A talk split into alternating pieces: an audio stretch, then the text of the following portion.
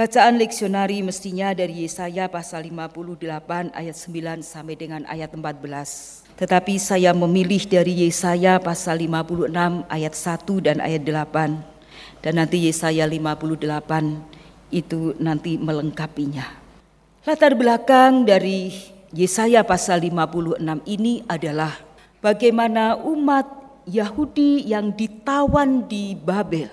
Kemudian mereka sudah diizinkan pulang kembali ke Palestina oleh dekrit Raja Koresi. Di antara rombongan yang pulang ke Palestina ada orang-orang asing, ada orang-orang kebiri. Nah, menurut tradisi, menurut hukum Taurat, hukum Farisi, orang-orang kebiri, orang-orang asing itu tidak diperkenankan untuk beribadah bersama dan bahkan mereka dianggap orang-orang yang tersisih. Sebetulnya mereka mempunyai pengharapan bahwa sepulang dari Babel mereka akan mendekatkan diri kepada Tuhan, mereka akan beribadah, mereka akan memperbaiki hidupnya, dan mereka akan bersama-sama dengan orang-orang yang lain.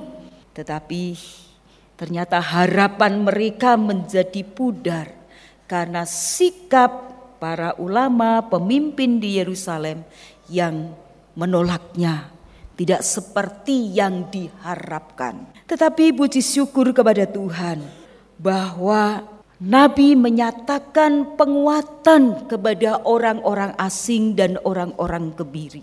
Tuhan memakai Nabi untuk menyatakan, untuk memberikan kekuatan, untuk memberikan pengharapan kepada orang-orang kebiri dan orang-orang asing. Pengharapan apa? Yang diberikan oleh Tuhan melalui nabi. Coba kita perhatikan dari ayat yang keempat dan seterusnya tadi. Mereka akan menjadi bagian dari umat Allah tanpa melihat kebangsaan atau keberadaan fisik mereka. Yang penting adalah mereka percaya kepada Allah dan hidup melakukan kehendaknya.